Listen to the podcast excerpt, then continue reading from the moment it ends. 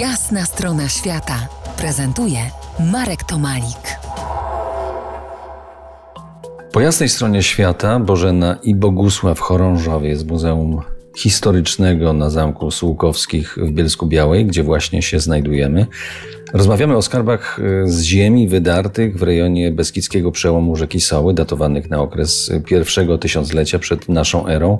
To są pozostałości po tak zwanej kulturze łużyckiej. Co to oznacza? Dzisiaj archeolodzy uważają, że ta kultura, która zajmowała y, od początku epoki brązu właściwie y, większość y, ziem obecnej Polski, ale również Czechy, Morawy, Słowację i część wschodnią Niemiec, no nie była monolitem. Moglibyśmy mówić dzisiaj o wielu, wielu kulturach łużyckich, ale ta grupa, która dotarła tutaj w ten dość no, niekorzystny dla osadnictwa rejon, ponieważ trzeba sobie zdawać sprawę, że są tutaj no, dość marnej jakości gleby, e, że również ze względów klimatycznych, długotrwającej zimy, no było tu na pewno ciężej ludziom uprawiać rolnictwo, czy te skarby nie są e, po prostu mm, jakby enklawami, że ktoś tędy tylko przechodził wzdłuż rzeki Soły i ukrył coś, tylko w pobliskich Kętach, miejscowości Malec, ale również w Kotlinie Żywieckiej, w jej wschodniej części, e, tu po sąsiedzku na terenie Śląska Cieszyńskiego są znane, myśmy przez 30 lat już prowadzili badania poszukiwawcze i niektóre osady przebadaliśmy wykopaliskowo, e, dość intensywne jak na ten teren osadnictwo kultury łużyckiej. A czy to oznacza, że możemy się dokopać nad sobą nowego biskupina? Może nie do końca. Nie, nie spodziewamy się aż takich odkryć.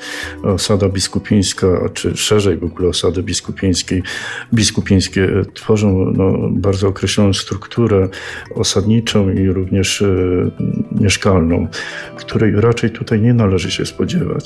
Natomiast e, to osadnictwo, które my rejestrujemy tutaj na tym terenie, ma inny, bardzo bardziej specyficzny rys, bo e, możemy powiedzieć, że jest to rys e, osadnictwa górskiego. Przez ten e, teren trzeba pamiętać o tym, że w czasach prehistorycznych, później również w czasach średniowiecznych, nowożytnych przebiegają niezwykle istotne szlaki komunikacyjne. Szlaki komunikacyjne, które można powiedzieć łączą dwa światy cywilizacyjne ówczesnego kontynentu europejskiego, w uproszczeniu mówiąc południa i północy. Pasma górskie dzisiaj no, dla nas nie tak może czytelne w tym względzie, jako duże bariery geograficzne, jak pasmo karpackie czy sudeckie, rzeczywiście stanowiło pewną granicę, jak gdyby oddzielającej te dwa światy. I akurat ten rejon, o którym mówimy, to rejon właśnie przebiegu wielu dróg komunikacyjnych, które jak gdyby przekraczały tą granicę. O tym, że Soła od dawna mogła być y, ważnym traktem komunikacyjnym, ważnym traktem podróżniczym. Porozmawiamy za kilkanaście minut. Zostańcie z nami. To jest jasna strona świata w RMS Classic.